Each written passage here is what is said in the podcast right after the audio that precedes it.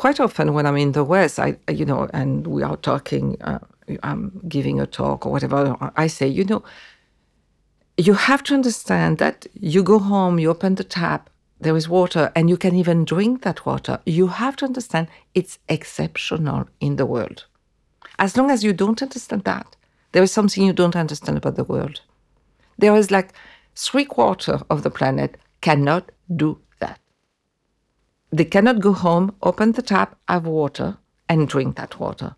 First, it, there will be no water most of the time. Second, they will not be able to drink that water.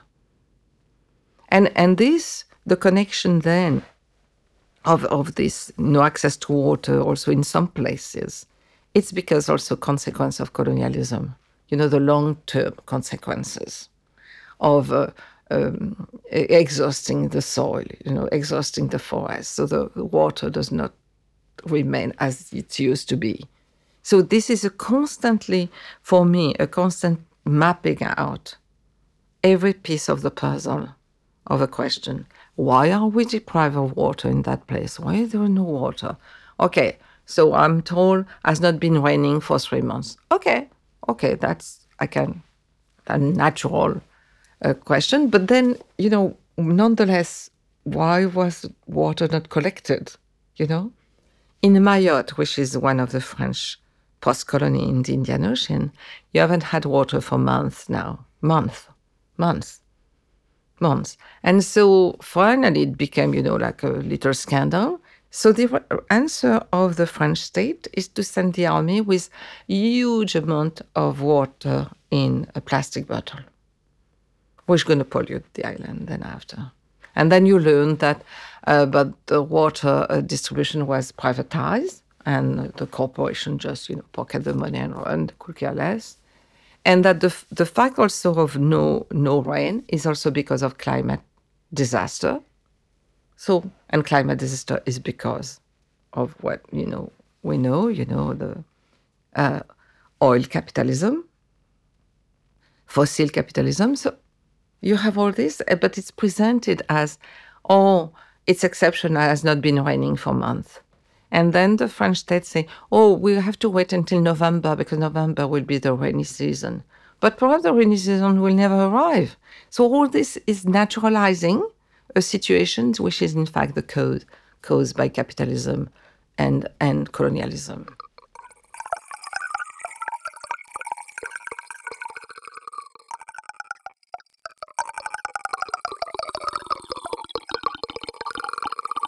Françoise Vergès is a political scientist, historian, film producer, independent curator, activist, writer, and public educator.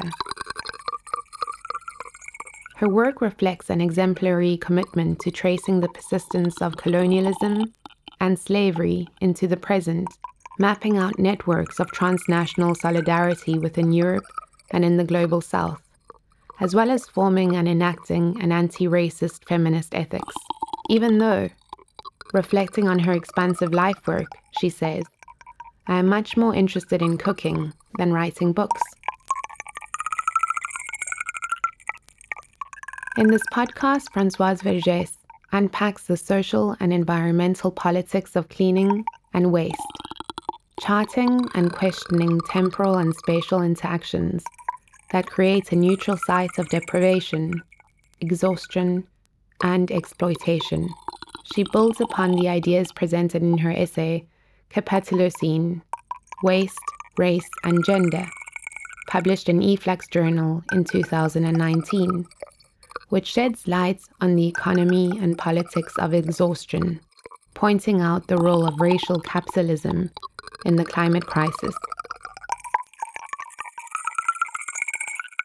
Vergès suggests a political rereading and understanding of basic needs and natural elements through notions of cleaning, hygiene, and medicine. And she raises revolutionary questions about the prefabricated assumption of justice and social transformation through rethinking the museum.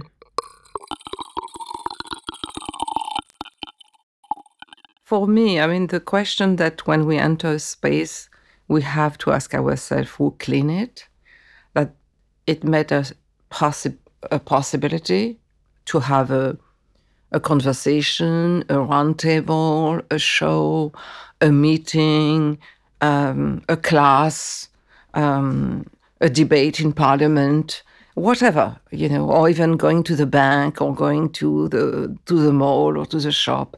Someone has cleaned the place. And this is invisible. What is invisible, though, and I want to clarify that because I have continued to work on this, what is invisible is the person usually a woman, black or racialized, and the exploitation. But what is visible is the cleanliness. We expect when we enter a place that is clean. If it's not clean, we are disturbed. Um, and we want the cleanliness, but we don't want to see what made that possible. We don't want to see. Because if the work, I mean, a place cannot be just a little clean and a little unclean. It's either clean or not clean, right? And effectively, if it's not well clean, um, for instance, in a home, the woman can, may have to start it again. And if it's in a public space, she may be punished or, you know, asked to do it again also. So she is, she, because it's mostly a she, she has to do that, but she, her work has to be visible. The result more, not the work, the result of the work has to be visible. And I connect it now also to the historical division that started with slavery, colonial slavery, and continues through colonialism, that was made between what is clean and therefore civilized and what is unclean and uncivilized. Europe was clean by nature, you know, Europe was close to cleanliness.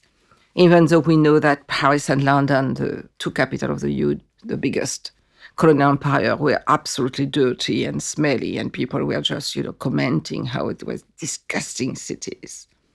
But the, the, the projection of this other place that were, uh, you know, dirty and people did not know how to take care of it started to make also to draw really a, contra- a contrast, which then became very established by 19th century. Because at the beginning, beginning when travel, you had European being absolutely amazed by the cleanliness of city, by the beauty of garden, the beauty of you know water. I mean, whether they uh, meet Mexico City or Baghdad or other place. But then after you have that division that I connect also with the emergence of the bourgeois capitalist class and the heteronormative family. And so something become clean. The bourgeoisie is clean by nature and bring cleanliness to the colony. And the colony is by nature dirty, and the people are dirty and smelly. So also the kind of colonial, you know, odor. I mean, the making, you know, of uh, the fabrication. So continuing that to back to the text that I wrote in 2019 uh, about waste, gender, and race and Capitalocene, it's to go even further through that and, and wondering how we came to that, how we came to this division between clean and unclean. Is it related historically to a certain you know, movement? And this is why you know, I, I propose that effectively colonialism also instituted. That we can connect to today where have the biggest dumping site in the world in the global south or close to poor neighborhood in the global north, but mostly in the global south the biggest one being in Pakistan. It's like hundred of you know of acres. I mean, it's huge. So this also of the uh, of a, of a clean north with the city for tourism and the city that you know people can walk through. All the question of uh, cleanliness, safety. Uh, you can go there, and even you know, for instance, to which market you can go for shopping and the markets you should not go because those will be smelly even the fish will smell and the and the fruit don't eat the fruit they may be you know like bad for your health i mean all this constant construction of what is clean and therefore safe and what is unclean and therefore unsafe connected also with hygiene so how do i understand all this you know matrix that also then rationalize what is the work of you know cleaning assigned to those who are all the, at the same time said to be unclean and smelly. So how all this is, you know, connected. Back to this question of you know who cleaned the place. It's also to go beyond uh, the question raised by uh, bourgeois feminism in the 1970s about you know like the fact that at home the man is not doing the laundry or you know doing the cooking. And of course uh, why not? But that does not you know it will it does not solve the question of you know the cleaning also of outside and even for bourgeois women to be able to go out and have a career, that will mean that someone is taking care of the children or all the parents and of the house. So this constant division of labor that is absolutely make um, a liberal bourgeois society function and any society in the world functioning. Because if, if this work stop, the society will not function. Not perhaps one day, two days, but by the third days, you have to close things. You're not going to go to a hospital if it's not clean. You're not going to go send your kid to school if the school are not clean, etc., etc. Because cleanliness is a vast uh, space. So uh, for me, it's absolutely essential to have that uh, that question in our mind. Uh, in a way, for instance, as you do know, in North America now, now people have to acknowledge on which land they stand you know, that they stand on stolen land. I suggest that we could also, you know, acknowledge at least that we occupy a space that has been clean. Of course, it may not change deeply, uh, but, uh, you know, like the condition, but it will also already be an acknowledgement that we know that if we can have this conversation or this roundtable or whatever we have, um, it's thanks to the work of this woman and also for me is uh, to support um, their their struggle, but also to have the courage to ask, how much are these women being paid? Why are we subcontracting? What are the conditions of work? Why don't we do that? Uh, and we we we ask that for other people, for our colleague, whether in a university, uh, you know, any kind of public institution, museum, whatever. Why don't, don't we feel right away that it's scandalous, as scandalous as when we see a secretary or a technician being exploited? Why is even the exploitation invisible? Why is not the exploitation of this woman not triggering the same indignation and reaction among us? So that were my question. And uh, um, because from this uh, 2019 text in eFlux, I continue to to work on that because I connect it also with a form of uh, what is the environmental politics today, and why there is so little about cleaning, that kind of cleaning in environmental politics. They're going to talk about you know nuclear waste. Why do we do with nuclear waste and things like that, but not about that. You know why why is that? So why is it remain such a out of the political domain. Totally. So you will have sociological studies, of course. You will have, um, you know, international labor organization. You're going to get data, but it's not a political question. It's not a political question. So union have started to mobilize around that because also women have been fighting, but it's not a political question. And so that's my why is not a political question. How can we um, right theory of liberation if we don't start by this form of exploitation, which is really the one on which a lot rest. Not the only one, but a lot rest on that. And not just in the global north, in the south also, right? For bank to open, for school to open, for hospital to open, has to be cleaning. So I wanted to bring back the question of cleaning as a political question not just as a feminist in the sense, you know, sharing work, you know, that men should do their their part.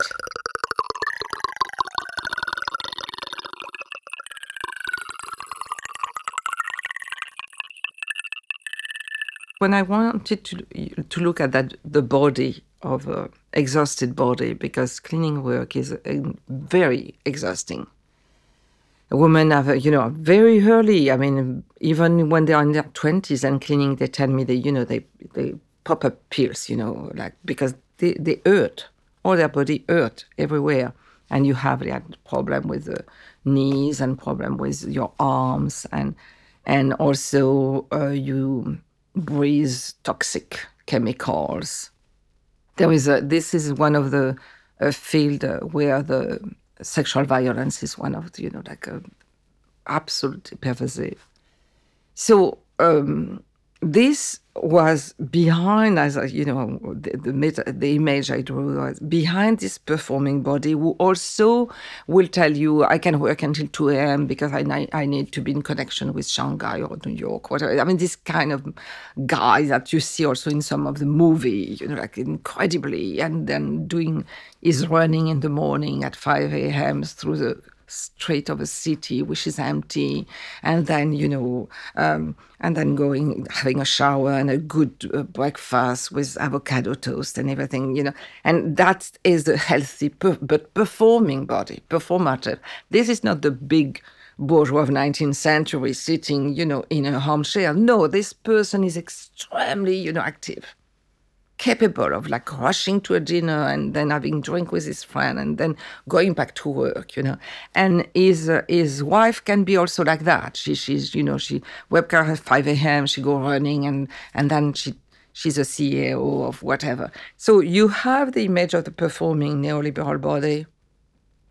Who have to prove that he or she is capable of that of like not counting sleep you know sleep time or whatever. No, I don't need to sleep much, and I did like five long flights, you know, in a in a week, and and I'm still you know okay. But for this body to be able to perform, to be able that healthy and you know like uh, capable of this, you have bodies behind that is holding, you know, that health, making that health possible. And so the this body are exhausted because this body are cleaning the gym where he has to go, the shower, you know, preparing, uh, picking up the avocado or cultivating, and then packing the avocado and then, you know, serving the avocado toast. All this, you know, different uh, structure of exploitation, extraction, and exhaustion, which allow that body to have even a fatigue that it, it can be um, that will prove that is that that true activity, right? I don't sleep much. You know, I'm like you know like that. It, it that you're uh, really um, uh, a person participating in the economy and and and activity. The question of activity being active, you know and even having like street job, you know, rushing at in the evening to show, to see a art show and then to the opera and then in you know after you know working. So expansion of sort of kind of life, not just professional but also into art and culture. And behind all this body who, who fabricate the world in which that performing body will circulate and be able at the same time, nonetheless, to rest because you can still have a massage, you know, and have some sex worker as disposition, and then go on vacation to an incredible, beautiful resort where all the bodies will also, perf- you know, fabricate the world, the comfortable in which that body can circulate. So for me, it was important to, to show behind this, you know, a body that uh, perform that we see so much in in TV series, in film, and everywhere that this is possible because of that. And that economy of exhaustion for me is also very much at the heart of capitalist economy and even back to the world of the plantation, to colonialism. That is, for me, colonialism, you know, open a mine here, you know, extract everything, waste body, body are being wasted, land is being wasted, forests are being rivers, and so on, because you have to produce that. And um, and then once it's no longer, you know, providing, I don't know, copper or gold or whatever, if we still keep the mine ID, move further to another place to extract. It can be then perhaps sugarcane or cotton, it depends, or oil, but it will move like that. And leave behind wasted land and wasted bodies and wasted water, you know, river, contaminated river, contaminated soil. So the exhaustion is, of course, of the body, but also of, of the environment. Extracting everything until, you know, practically sterility. For the body is like premature death and for the environment is being, you know, wasted, contaminated, polluted, and then let's move. And one of the things that the historians of the environment have shown is uh, sometimes it takes one or two uh, centuries to see the consequence of what has been done. So it's also you have the short life of the of capitalocene or slavery, and you have the long term consequence. And so you have a temporality that is not the same as, for instance, what we call natural catastrophe, you know, the hurricane or the earthquake. And that what also laws have been made by capitalism so, to make that very difficult to prove because of this different temporality. If it's not immediate, then uh, I don't know, corporation will say, you don't, where the proof that what we did produce leukemia, cancer, you know, respiratory disease or whatever. You you cannot show that. So it's it's also to um, have a new way of talking about that. So we don't we don't have to follow that logic, that temporality, because we have to bring in another temporality in the struggle, but also when we fight in the court you know, in the court when we arrive with our proof, and on the other side say, but you, you don't prove, you don't cause an effect. That's not, you know, in, in fact, if you have that, it's because you eat bad food, you don't have an healthy life, you don't do your, you know, you're running every morning, you don't eat, you know, avocado toast, you eat like bad food. This is why you are sick. So this is also for me, you know, the how to, from one question you pull many threads and you show uh, an incredible, you know, interconnected structure of exploitation and exhaustion that repercutate like that, and sometimes something that you don't see the connection is being also connected. And so, how to map out all these different interaction that in fact lead to exhaustion of land, river, mountain, forest, and human being, plants, animal, and, and effectively leave behind wasted land. And we see it. I mean, the image, catastrophic image, you know, there is, a, as you do know, some aesthetic of the catastrophe, right? Burn forest, empty land, you know, polluted rivers, polluted delta. But it's, it's, the, the image does not say some, does not say much. There's even an, an aesthetic that corporation even use for their greenwashing. So to, to summarize, for me, what is important is like, okay, we have this question. How do I understand it? How did we get there? How the law help it? How ideology, how art, culture, film, movie, repression, censorship, silencing, all this fabricated and naturalize a site of total exploitation, dispossession, and extraction.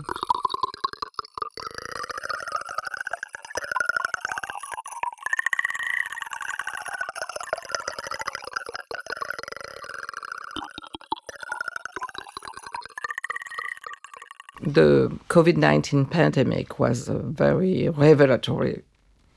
Both the question of its origin and then, you know, the racism through that, anti Asian racism, but also uh, the failure of public health, the abandonment, how there is an organized abandonment of public services, but totally organized. It's not, you know, like, oh, why, what, why? Um, uh, how also those, I mean, the community who were the most, you know, like under attack were the poor, black, indigenous community. There you had the highest rate of mortality because they had also diabetes, you know, heart problem and other things. Why did they have that? Because of effectively the condition of living, housing, and the no very um, hinder access to public health.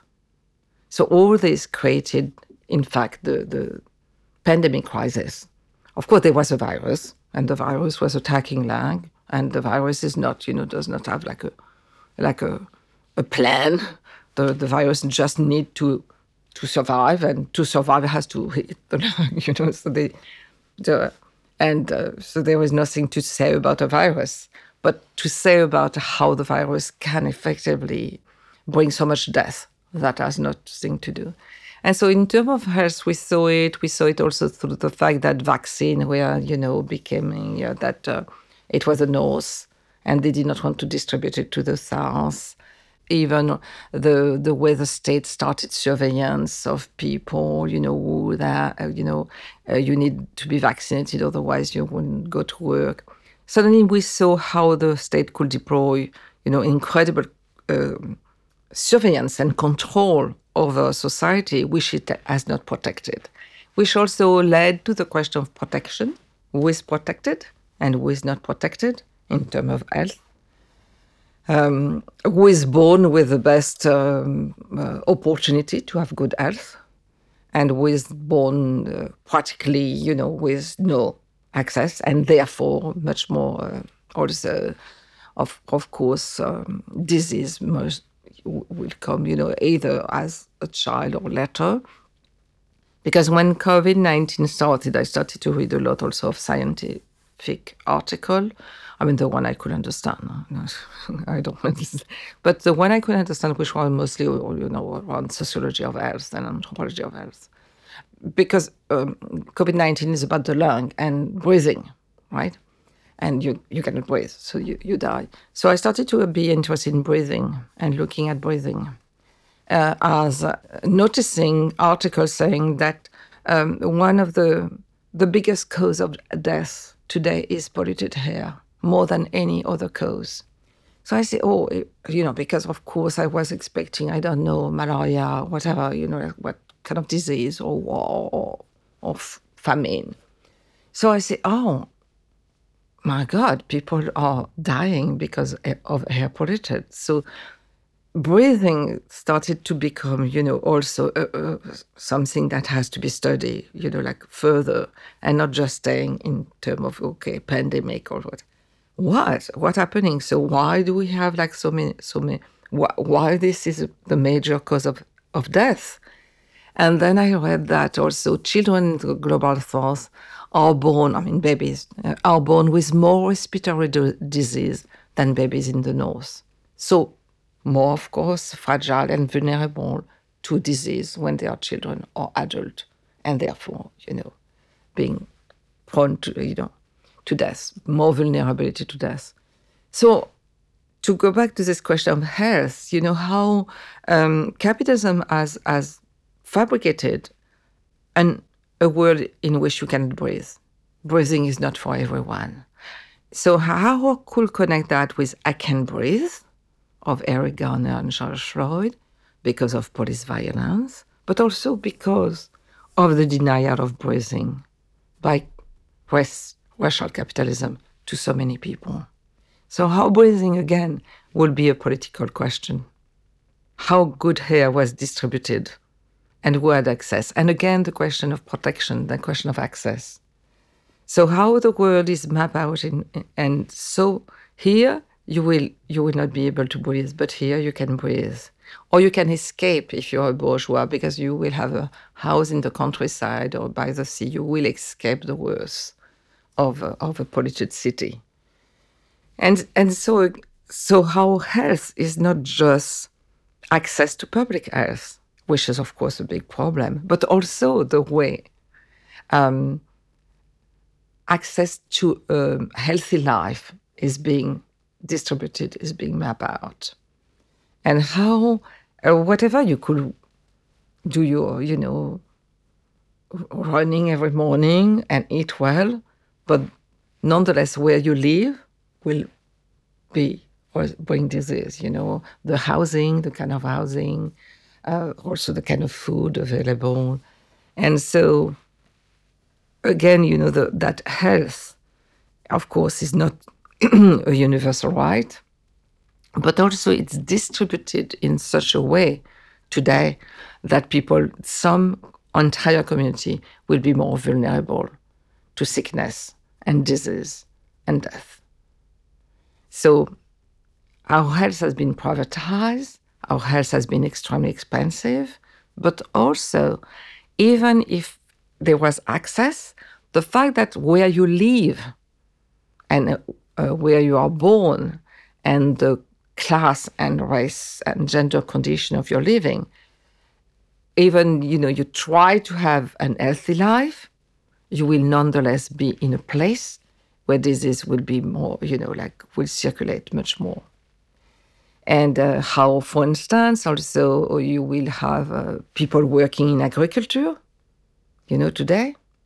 Agrobusiness is a place of disease, huge place of disease, slow, slow poisoning, but then absolutely deadly poisoning.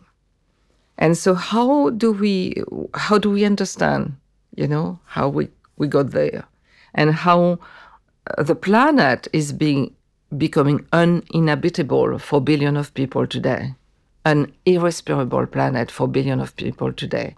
So again how this become a political question in terms of environmental politics? And so it's not you know like how are we going to make you know the planet again you know like a planet in which more people can inhabit that planet and can breathe on that planet so for me, it's how do you go back perhaps to what I will call vital needs.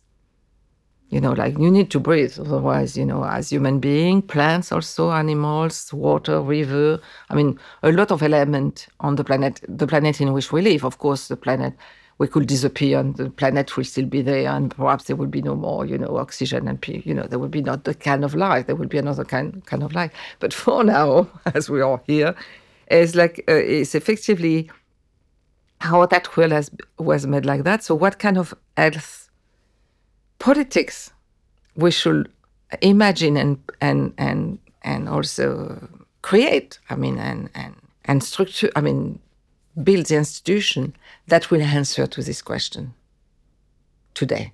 This growing problem of health. And even though this was not the question, but I do think also mental health has become an incredible problem today. It's a big issue. The mental health, I mean, the problem uh, of mental health produced by racism, by sexism, by Islamophobia, transphobia, um, and by the exhaustion, the, the fact. So, capitalism, racial capitalism, really attack health, really attack the body and the psyche it attack you. Uh, it's poison both your body but also your mind. I mean, you, it's too much, and people, you know, freak out, or, or you know, they, they cannot stand it anymore. So how ca- racial capitalism is a production, capitalism produce that, produce bad health, and so, of course, we can, um, how can I say, limit the consequence by bringing more public health, more, you know, clinic, but nonetheless if we don't change that system, that system is fabricating unhealthiness for billion of people.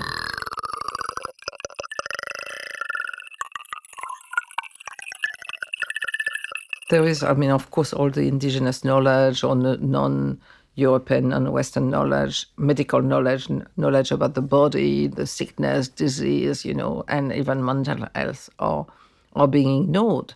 But even in the image, to go back to the question of image, you know, like you rarely see doctors and being um, celebrated, even in the history of medicine, that are not white.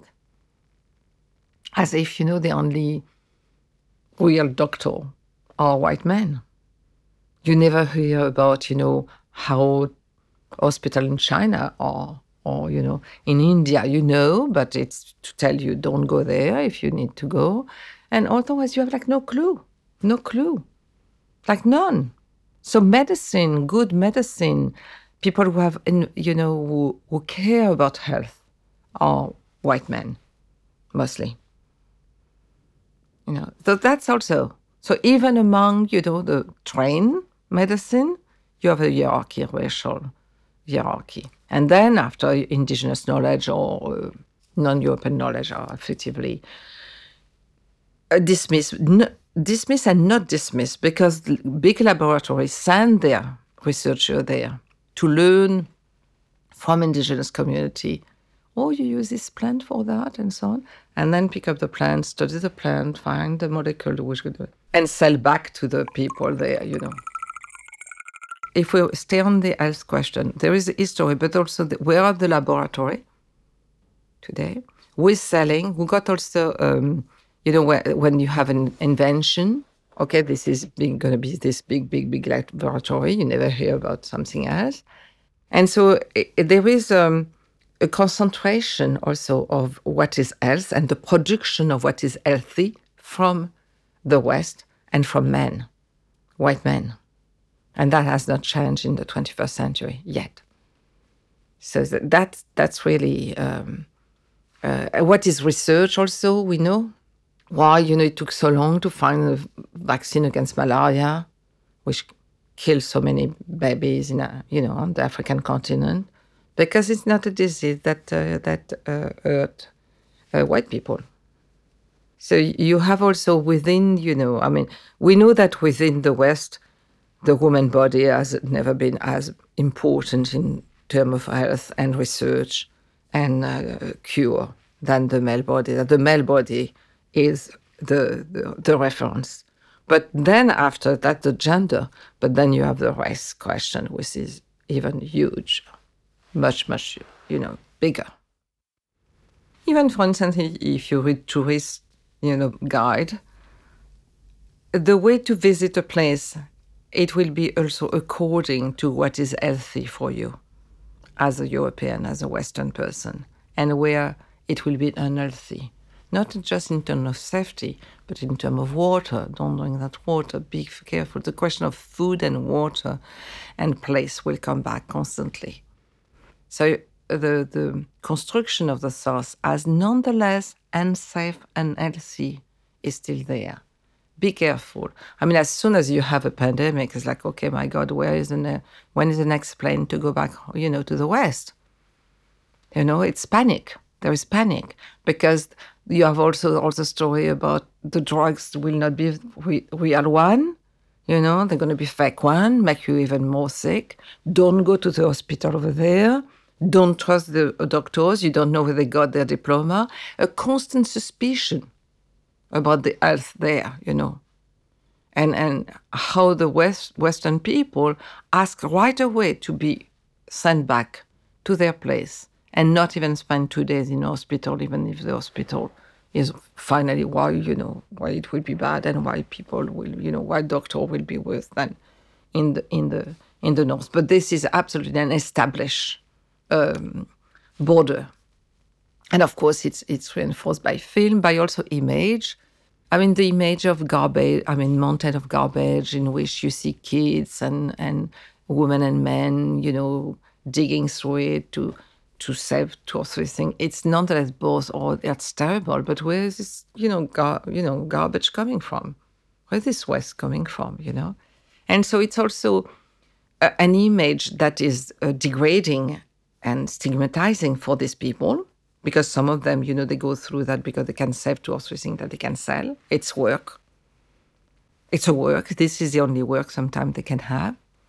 And so the West is sending that, polluting, but then when people nonetheless try to earn a living through, through that, which also is good for the environment, they are not nonetheless stigmatized. But there's something around, uh, you know, West that is is really uh, still draw uh, the line between, you know, clean, hygienic, safe, protection, and unprotected, unsafe, unclean place.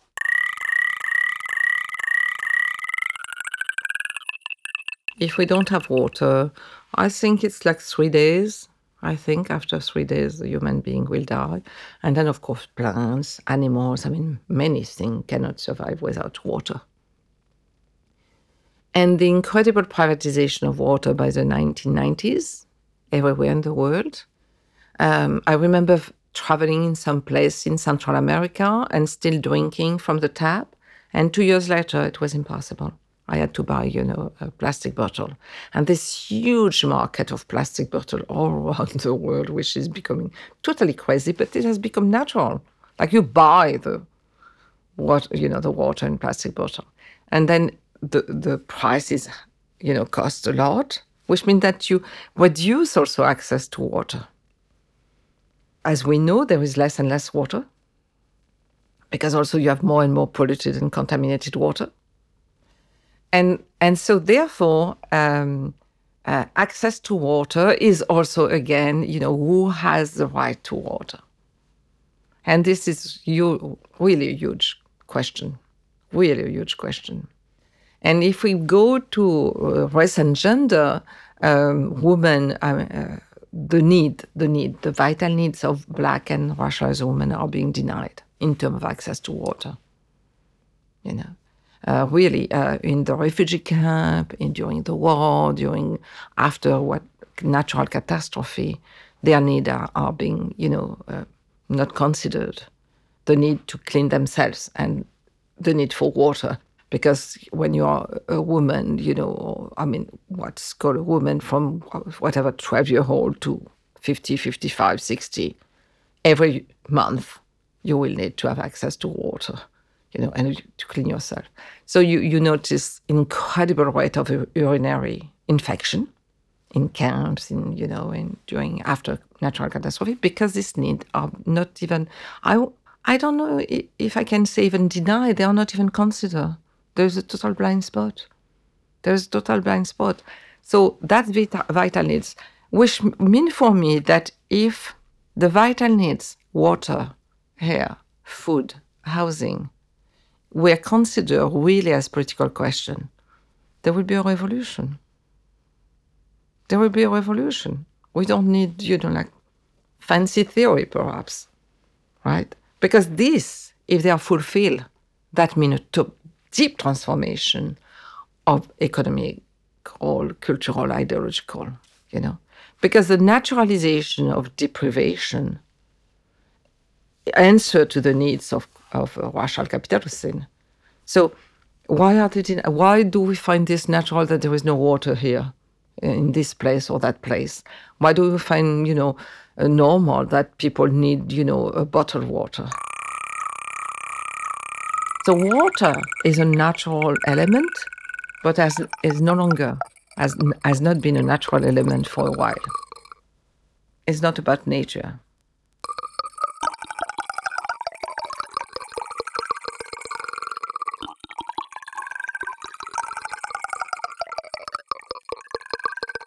So the, yeah, for instance, vital needs, I will say water and food, of course. Um, also housing. There was a huge crisis of housing in the world. Um, uh, air, breathing. And I will say that even, even if so these four vital elements were fulfilled, we will not be living in racial capitalism. The two cannot go together. The, these needs cannot be fulfilled because it, it gets into absolute contradiction with privatization, corporation interest, uh, that colonial racial division between clean and clean access, no access, who has access, who does not have access. So it will really, uh, yeah, be a revolution in the sense of transformation, deep transformation. So this is what I call vital needs. And we can see how the denial um, of these vital needs are also fabricated through history even to go back to your question on health, we know that, for instance, in medicine, uh, doctors will consider black women um, holding, you know, uh, a pain uh, uh, better than white. In France, for instance, it is. I mean, it, it's not taught, of course, because nobody will dare. But I have friends who are doctors telling me it's nonetheless being said more or less than black woman will be tough, you know, will will handle pain, physical pain much easily than other, and Arab women will be screaming easily. So, you know, as a doctor, you have to know that, so you don't pay attention to this, you know, differently. Whereas apparently the white woman knows what, when and how to complain. So even even there, you know, deeply this question of a of effectively uh, the vital needs. I mean, the, the way the body is being considered and the vital needs of this body uh, uh, are being denied. And we know that babies, uh, black babies, you know, uh, or uh, babies of in racialized community, in indigenous community, are not considered like other like white babies. So you, you already have effectively a distribution according to um, to where you are born and in which community you are born, of your vital need will be fulfilled or not fulfilled from the beginning.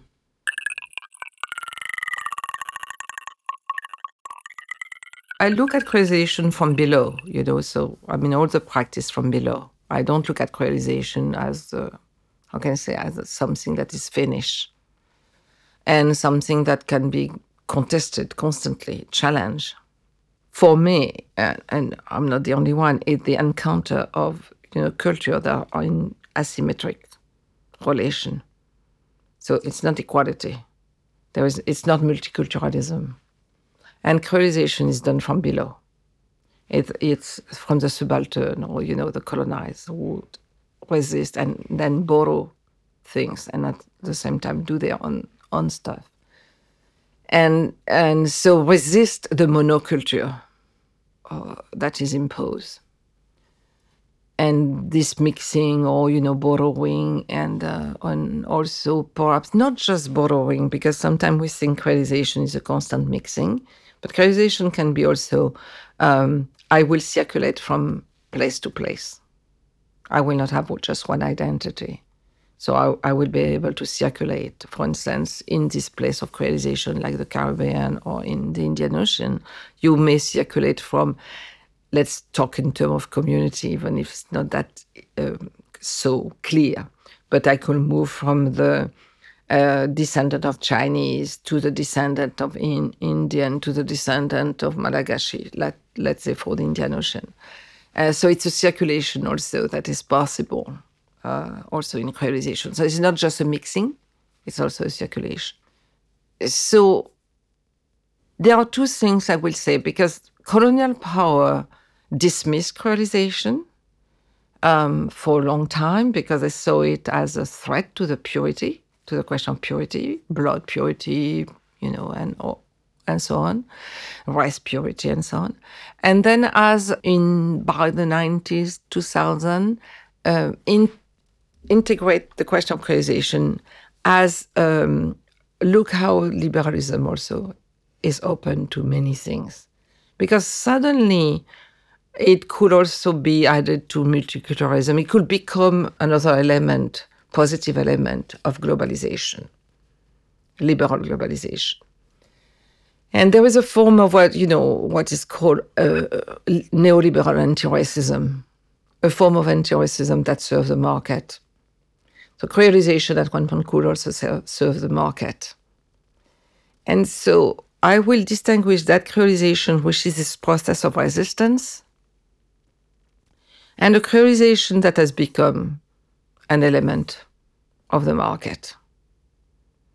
Um, but I will not say if it's really in between clean and unclean creolization is more um, because then I, I, would say clean and unclean either you fight against the ideology of cleanliness the colonial racial ideology of cleanliness and then you start to wonder what will be anti-racist cleanliness you know, a cleanliness that will not rest on the exploitation and dispossession of racialized and black people.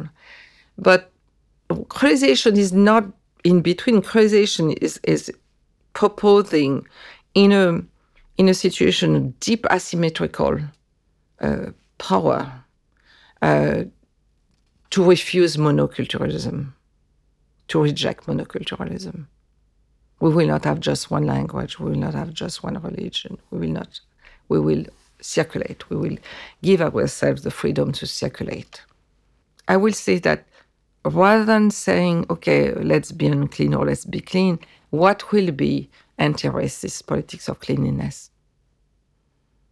Because for now, we only know the, the capitalist politics of cleanliness, the racial one, the gender one, the bourgeois one, the bourgeois norm, and uh, the way uh, the also the West will say, "Oh, this is dirty," you know, and and but but at the same time, not picking up the garbage in this neighborhood, not having a green park in this neighborhood, not having you know uh, trees in the in the street of this neighborhood, and so of course it does not offer the same kind of uh, you know uh, uh, aesthetics than the other neighborhood. So how do we fight against that? Is perhaps not necessarily through creolization, but through challenging these norms and, and saying how we will live in a in a world that is not toxic, that is not made toxic and polluted and contaminated. What to do with what cannot be repaired, fully repaired. Uh, perhaps there are part of things that cannot be repaired or that we have to live with the damage. Um, and how we will live with damaged planet nonetheless. Um, okay. So the past is not being the past live in the present as not being repaired. So all you know the afterlives of slavery and colonialism are with us. We have to repair the present because it's being destroyed under our eyes. And we have already to repair the future, even though the future has not arrived, because it's being the future is being threatened by today by the damage and the form of uh, yeah damaging and, and wasting of today. So the temporality of cleanliness and repair cannot be linear at all. Like oh tomorrow if things go well we will you know clean everything and repair everything. No, I mean how are we going to you know clean the ton of nuclear waste, chemical waste, you know, building, you know, I mean, it's incredible when you start to read that, you know. I spent my summer reading a report by, uh, you know, the climate group and other things. It, it make, you know, for like, you, you want to go home and, and hide after a while because it's, it's absolutely incredible uh, organized destruction, really absolute organized destruction of everything. So let's imagine that nonetheless we're done with rational capitalism and so we are facing um, accumulated destruction and damage and waste. And so, what do we do? How do we repair that? This is why I say we cannot just think of, you know, oh, okay, now then, uh, what do we need to repair? We need this, we need that. No, because there are things that cannot be repaired right away, that we, we will have to live with on a long time. And so, how? Because um, yeah, there is a lot of waste that does not disappear, will not disappear like that. And uh, so it has also to rethink repair because repair in the Western uh, thinking is okay, you have done a damage, now you have to pay me, you know, for the damage. And so I can repair it, you know, that, what you have done. And effectively, that punitive damage can be still be a case of fighting back, right? I mean, community asking, okay, pay me for the damage you did. That's a struggle. But we know it will not repair. It, it can perhaps uh, at least stop the ongoing damage. And that's very important. And also that it does not go unpunished. No impunity. But nonetheless, as I say, what are we going to do with that, with that waste? And for me, this also thinking that really taking, you know, tackling this issue and say what we do, and thinking of tomorrow, imagining our own future from what we know about the past and the present. And so not leave the script of the future to corporation, to engineer, to think tank, and to you know all these people who are doing scenarios for the future. What are our scenarios? What will be the, you know, decolonial feminist queer and racist scenario of the of the future, as the future is now, you know, not the future of uh, in 30 years. So the fact that we are still living, living with the afterlife of slavery, of colonial slavery, tell you about something that time is not, it cannot be thought into, you know, like, okay, done with that. Especially because we are human beings and we have memories and we live with memories. And memories do, are not always like that. So, I mean, I don't think lions think about what happened, you know, to their ancestors three generations ago, but we do. We do. And that make a difference.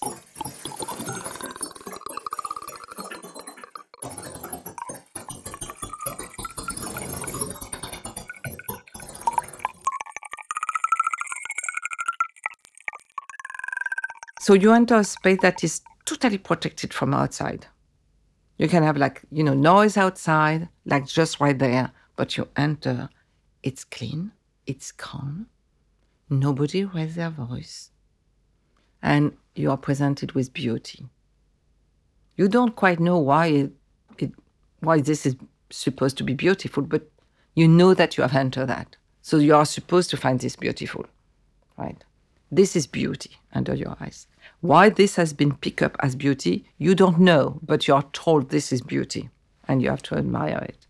For me, the museum is really uh, concentrating a lot of, uh, you know, the colonial ideology, not in terms just of looting. I mean, we know that uh, Western museums have been mostly rest on looting and stealing, but in terms of uh, the, the what they propose as a space that embody order, harmony, and beauty. On the erasure of the crime, of the erasure of memory, because as I say in the, in the book, Borrowing for Someone, museum are crime scene, but you never see the criminal, you never see the blood. Everything has been washed. The scene is perfect. The crime has disappeared. The memory of the crime has disappeared presented and you move from one place to the other and you admire whether it's painting sculpture you know ethnographic museum craft museum modern art contemporary art and for me that that the museum which as you know is, was invent, invented in the 18th century uh, Europe, because I'm not talking about private collection of king and emperor everywhere. I'm talking when the museum as a public institution is created. And this is 18th century. And the first one is Le Louvre, in terms of the model that will become the hegemonic model. Because even the British Museum being open a little before is not built in the same way that Le Louvre.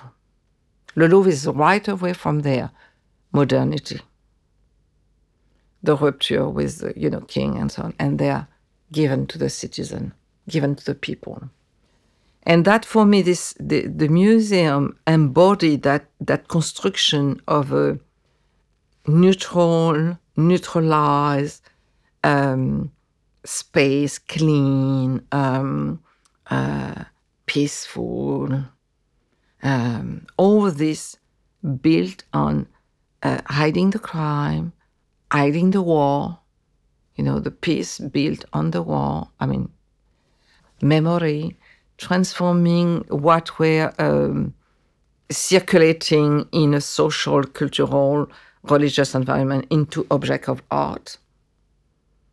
And then you look at them as object of art. And so therefore there is no more, you know, who produced that, why. It's absolutely, you know, erased. And that's a perfect, perfect place. Perfect space of of of uh, capitalism. Perfect, perfect. As I don't know any other other institution which has succeeded like that as as presenting a neutral face. I mean, university have been considered, you know, like challenge and the way of teaching and school and everything and parliament and you know whatever. Any, the museum has remained place very protected. Less now, essentially through the question of restitution and also through the question of representation. Do we have, a, you know, like women and non non-white people? But as an institution, from the bottom to the top, to remain protected. And this is why, for instance, for me, I always say the museum will not be transformed just by what you put on the wall okay, put as many women as men, and then among the men and the women, be careful that everyone is very diverse. No, who has cleaned the place? Why do who is guarding the room? You know, why in so many museums you walk from place to place and you see a black man standing there for hours. You don't speak to him; he doesn't speak to you, but he's there. Uh, who cook? Who we know what is the hierarchy? What is the training of the curator of the art historian there? Who recruit? Why? Where? Where the money coming from, what is a part of the private money there. You know, it's it's a social space, but it, it it's very even able to hide the social uh, structure Whereas, you know, even, you know, other institution cannot totally hide, you know, the tribunal, the police, whatever. You, you, you, you know, you will look, but the, the museum is as if it's there. It's there. And so you don't ask yourself, but who, who is working in the office? Who, who, who, you know, how much are they paid? Can they unionize? You know, and no, it's perfect. The museum has really uh, been very good at that, and the the Western Museum has been also able to impose its model. It's totally hegemonic, totally. In the global south, most museums are on the model of the Western Museum. They have not invented much. No, it, they are national museum, but you know the way museum are national museum in the north. It's connected with the prestige of the nation state and the collection, you know, the prestigious collection, which reflect the prestige of the nation state. But no, has not been nothing. So, what will be a, a space where you know new form of presenting memory? That will not be the the Western Museum form. You know, uh, will be. I think this question of conservation, transmission, preservation are also questions that deserve to be, uh, you know, asked. Because there is such um, uh, how can I say? Total it's it's it the way it go it's the way we should do to preserve the past for the future. We have to keep some objects you know that will be but why? Who say that? Since when? Why do we think that evident why? Is there no other way? Do we really need like this you know from century to century century? You know collecting and collecting why do what do we really see? It's really transformation? Or really museum space of social transformation? Or effectively the space of uh, where you come to admire? Quietly silently but what do you see what do you see how were you trained to see how come we don't see sometimes what is uh, under our eyes? Why have we been trained so we see things, but we don't really realize what we are seeing? We see, it's, oh yeah, sure, but you know, we don't make something out of it. Or we don't know what to make out of it. We don't know.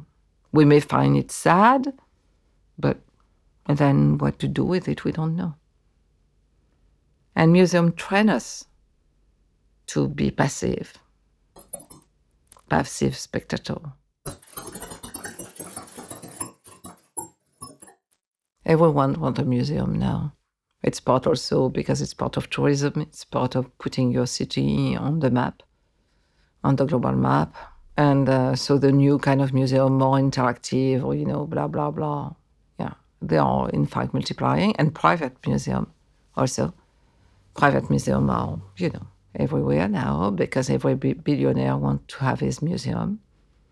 So in fact, uh, there, are not less museums, there are more museums built every year now in the last 10, 15 years. Incredible uh, increase, according to um, ICOM, you know, the International uh, Conference on Museum. Uh, incredible, uh, yeah, increase. So, in fact, it's an institution that is flourishing. And uh, whereas uh, you get less and less university. So, this is why it interested me in the museum that capacity, the, the power of the model, incredibly powerful. Incredibly powerful. It's very difficult to, to, to imagine a world without museum. Very. Um, there is quite quickly a panic it's connected with erasure. If there is no museum, then things will be erased. We will lose our connection to humanity.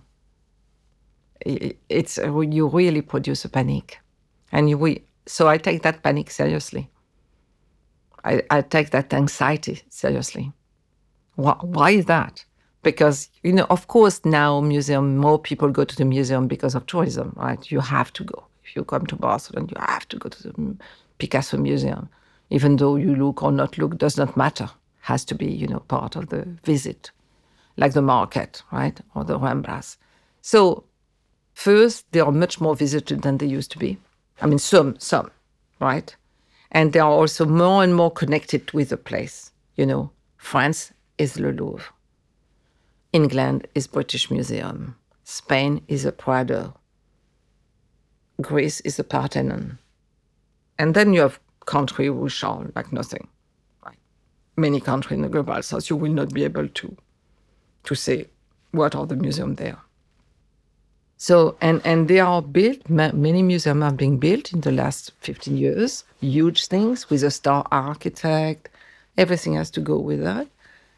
So no, they are interesting uh, institution. In fact, really. And even though you don't go there, the museum come to you through calendar, T-shirt, you know, so a lot of things, you know, or the image in the textbook of a painting that summarize, I don't know, some period.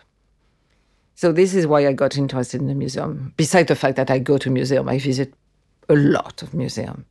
I'm impressed by that. It's like this, which was a cherished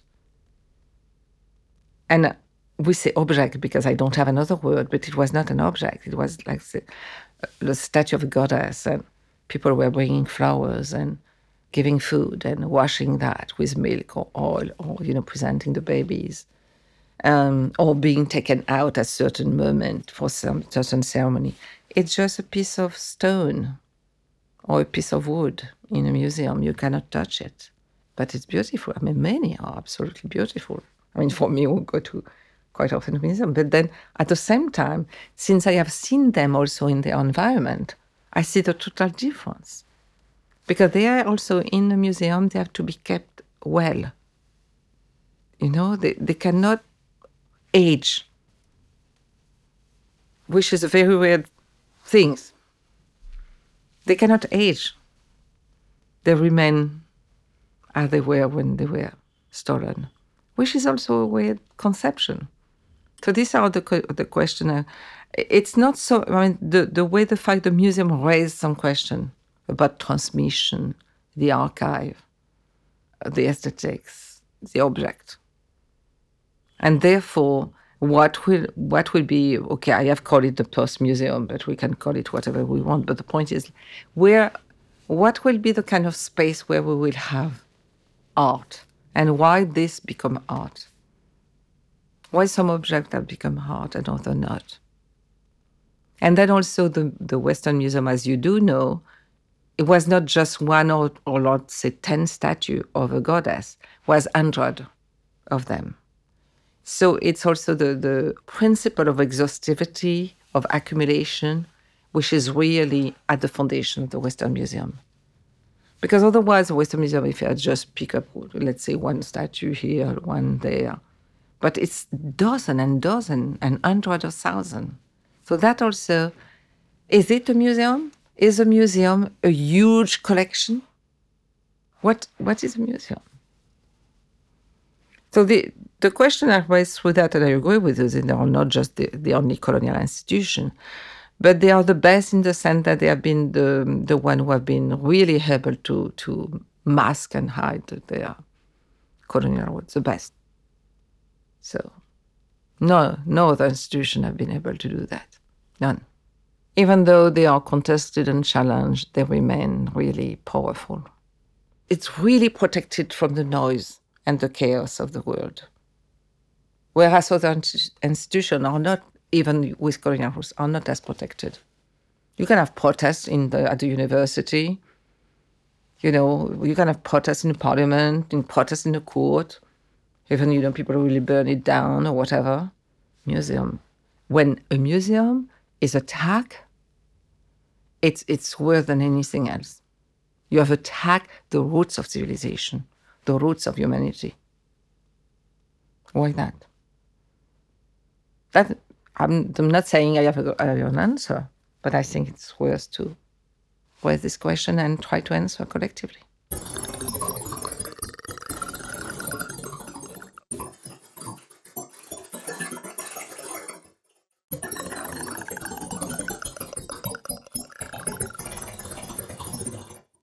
A lot of museums in slavery are the museum of the system of enslavement, not of the human being who were enslaved.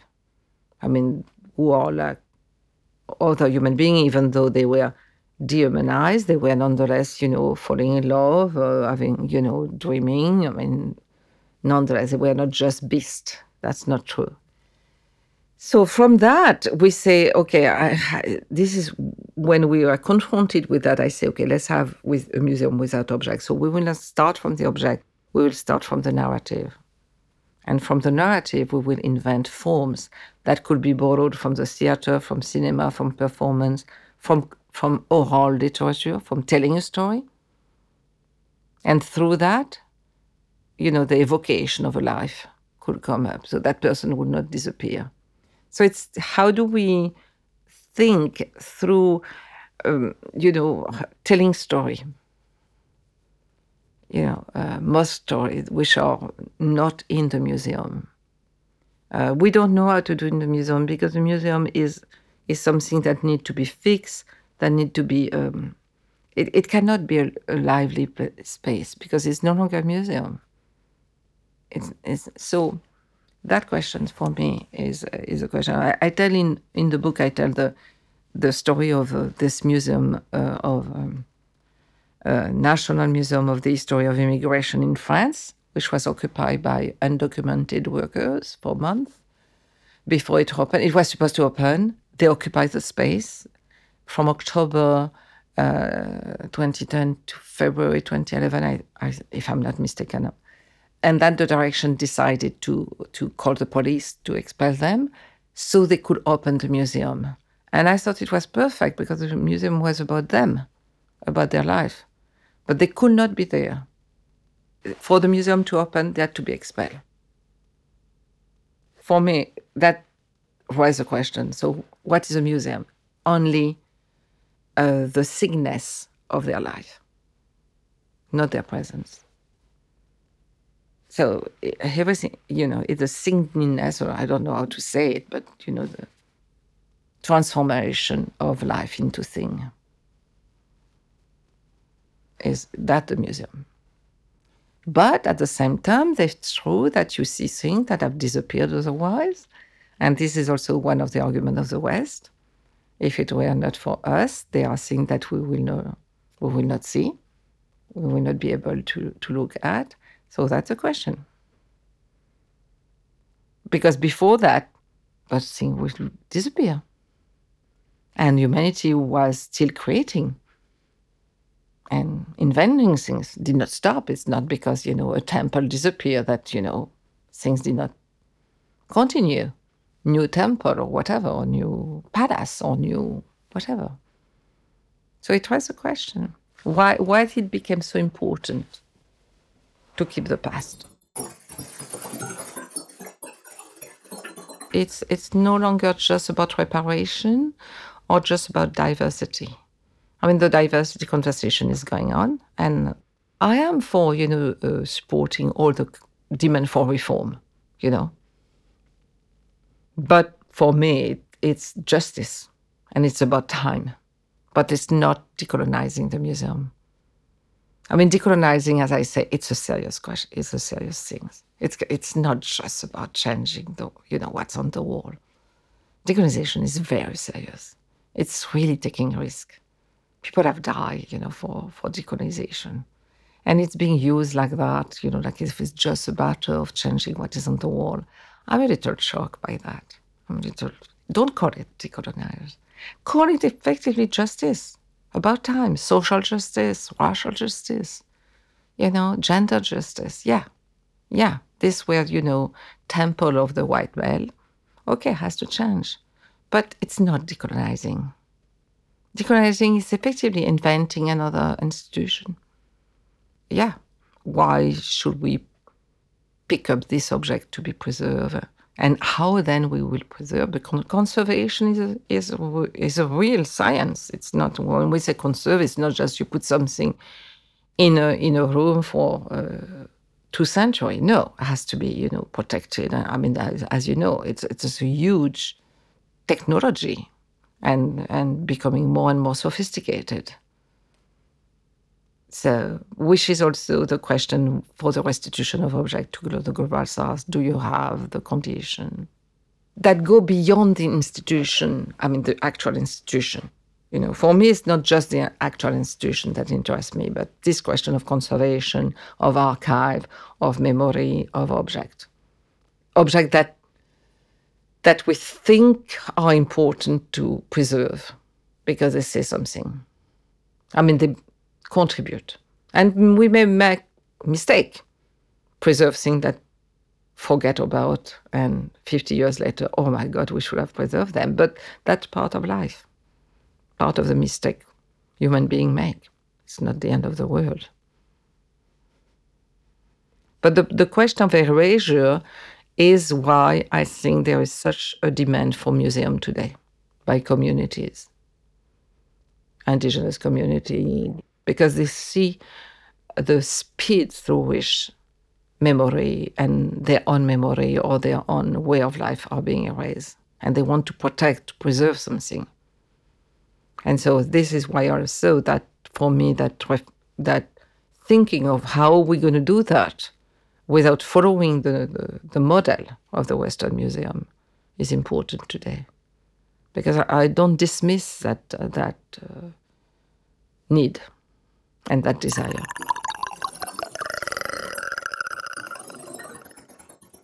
The question, for instance, of fabric is also because um, um, there was destruction also of, of, of places, of, you know, craft destruction, uh, really, by the state, organized or by colonialism. And uh, today, for instance, I was uh, um, in in Brazil, and I, uh, so there were some uh, uh, pottery by indigenous community, and they had to go to the museum to see what had been done before because they have lost the technique. So then this museum could become a, like a library, but an open library um, you know, oh, because effectively they stole, they kept, and then they destroy the the actual, you know, possibility. People could not sell it, could not live with it, so they abandon it. Let's go to the city to try to survive. You know, many reasons. Also, it's too long. Uh, you know, it, weaving, for instance, is very long, so we don't want to do that. We get machine now doing whatever. And then suddenly there is oh God, but we don't no longer to know how to do that. And this was you know, more beautiful than what is you know industrially done. So yes, you can find this in museum. So museum could be library, archives. But how then? Where, where, how do you guarantee the access to everyone? Because for now, access is mostly to for expert and art historian. It's very difficult for a community member of a community to say, "I want to come to see," you know, uh, weaving, you know, that uh, you you you bought or you stole in uh, 18th or 19th century. Then effectively, when you look at the textile, because uh, I'm very interested in textile, and you see some um, pattern have totally disappeared. Totally disappeared. So either they have disappeared because you know things change also source of creativity change but also because the technique was lost. Because of um, colonialism imperialism. So the, all these questions i'm saying there is not just one answer but they have to be discussed. I will see me of most of Western Museum ethnograph, you know, all the this museum as library that should be open, largely open, wide access. Not only the object, but the documentation, the archive. I see, for instance, diaspora in, in the global north being perhaps the mediator because they are there, they could, you know, so museum will open and they will look. Because there are a lot of objects also that we that even the people from the museum don't know where they are from. And so much was taken and this oh but we think that is coming from this tribe over there you know and so how we will really open the connection and make them accessible and the documentation and the archive because what we know are the big one you know the when this, that palace was looted and that other palace was looted, and some of the things, but many things we don't know because people don't have access. People in the Pacific they don't even know, you know, what is in every European museum. And when you visit a lot of museums like I do, you are amazed by the fact that in very little museum everywhere, in Germany, in, in ex-Yugoslavia, you're going to find things from Asia and Africa. I mean, so from everywhere at one point in Europe, people went there and brought back things. I'm not saying that everything was stolen, but the fact that everything is here, and you visit museum in the global south, you don't see, for instance, uh, living room 19th century Paris exposed in a in a museum in Mexico City. They don't care apparently. I mean, they, they you did not have the same movement. I mean, you have modern art, of course, because that's part of you know. So you, if you call some impressionist, but in terms of the object, you find very few objects taken from a bourgeois home in 19th century or 20th century. What you see are the colonial imitation of the bourgeois life among the aristocrat or the landowner of that place. And you had travelers from this place, but very few went back home with, you know, suitcase full of objects that they had stolen or looted or even bought. So that's also a difference of, you know, relation to the world. Because you have museum in the global south, as I say, on the model of the North, but the, what they do is national collection.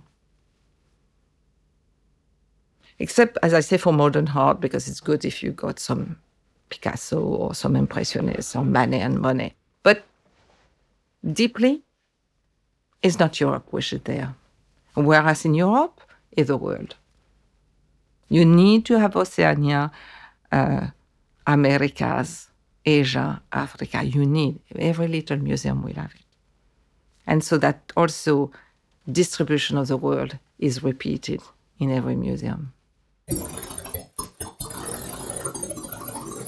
The, whether the France or England, little less Italy or uh, I mean, but Spain also, in, had colonial museum in their colony. Two things: botanic garden and a museum.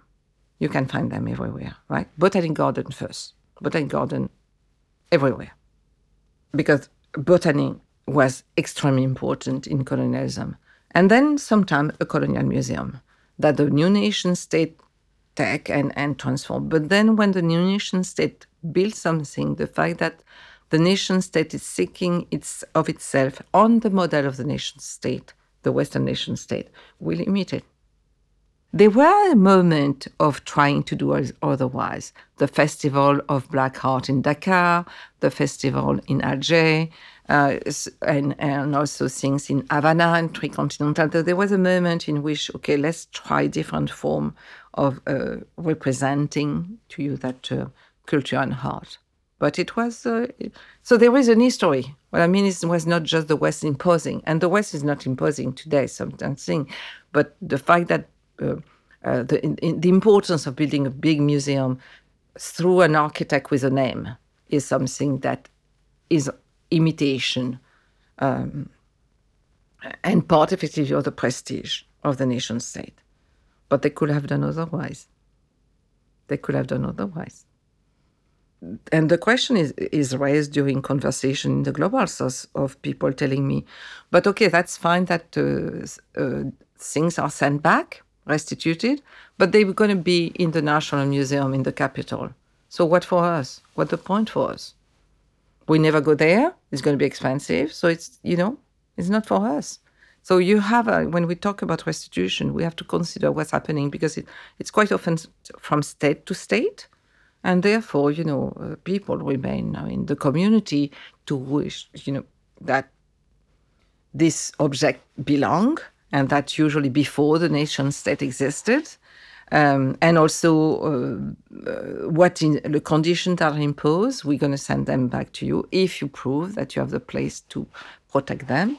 And uh, for me, it's like, no, you give them back. And if people want to sell them on the, on the sidewalk, it's their right. It's their right. Or if they want to put that in a living room of people and not in a museum, it's their right.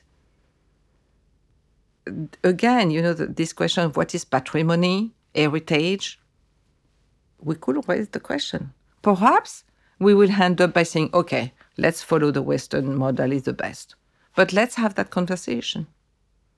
We take it as, you know, granted, you know, that, okay, that's normal. But no. Heritage, why is heritage? Is through that. And then you have the, the power of UNESCO, the power of United Nations. I mean, you have a lot of institutions that contribute to this, you know, uh, mod- to this model. So it, it's for me, it's just a proposition that we are in 2023 because we are speaking in 20, and we know enough. We got cultural studies, visual studies, queer studies, post-colonial, colonial, decolonial, etc., etc., to think otherwise, to be able.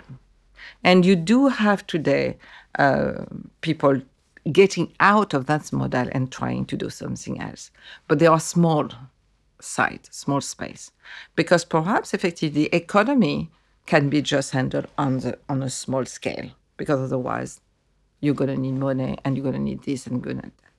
But I have I have seen museums that try that are really uh, uh, rejecting the Western model. I, I mean, there are museums uh, in which you, you can come and borrow the object to use it for a ceremony for in Central Museum, uh, I know. You had drums. People can come and say, could we borrow the drums because we're going to have a ceremony where we need this kind of drums? Okay, fine, but you bring them back. Impossible to sing in a Western museum. Absolutely impossible. You, you're going to be, you know, uh, you will be a criminal. So already today, you do have people thinking about that and, and trying other, other model, other form.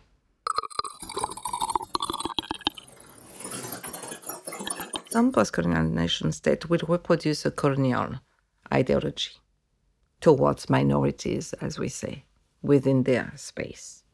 Or, you know, so um, what is the past of this nation state? And there is a chosen one. Usually it's grandiose, right? It's not about little people. So everyone will, you know, so Egypt will be the pharaoh and, you know, and things like that, which doesn't mean that it's not important, but this is because, and this photo, you know, so it's, it's also connected to the idea of what is the nation state. And when I say there was a movement in the 60s, 60s, 70s of different, okay, we will go out of that, you know, but it did not last long. And it was not just because of the pressure of the West. This is what I mean it's also the way the nation state was was conceived and and and the repression within i mean the nation state building itself also as mono-religious monolingual monocultural and and and repressing within itself its different voices and of course then therefore this different uh, artistic form or craft will be dismissed to fit into the narrative of one nation, uh, you know, uh, and uh, so there will be there could be a form of regionalism because that's part also of, a, of the conception of the modern nation state that you have regionalism. So we're going to see, you know, from that that the South they do that and there they do that, but all this collected within under the idea of the nation state. And, and usually the past which is chosen is the past of king and emperor is rarely the past of the little people. I mean, what is called the little people. And that's part of a certain uh, frame, narrative frame, that has not been fully challenged on the level of the nation state. As, as I say, there was a moment, but it did not last long. The 50s, 60s, of a, you know, getting out of a, uh, of the Western model. Being more, for instance, South South, you know, what you know, what do we share? And, you know, the famous Bandung 1955 kind of spirit, even though it was betrayed, but what, whatever, there was this idea, you know, and it did not last long. But there was a, what I mean is like there were possibilities, there were other forms. So you do also have an history of uh, what we could call alternative. that that need to be also brought back up to see that, you know, already people thought about different thing, different way of what is to preserve, what is to conserve, what is what is a narrative we tell about ourselves, and narratives plural that we tell about ourselves.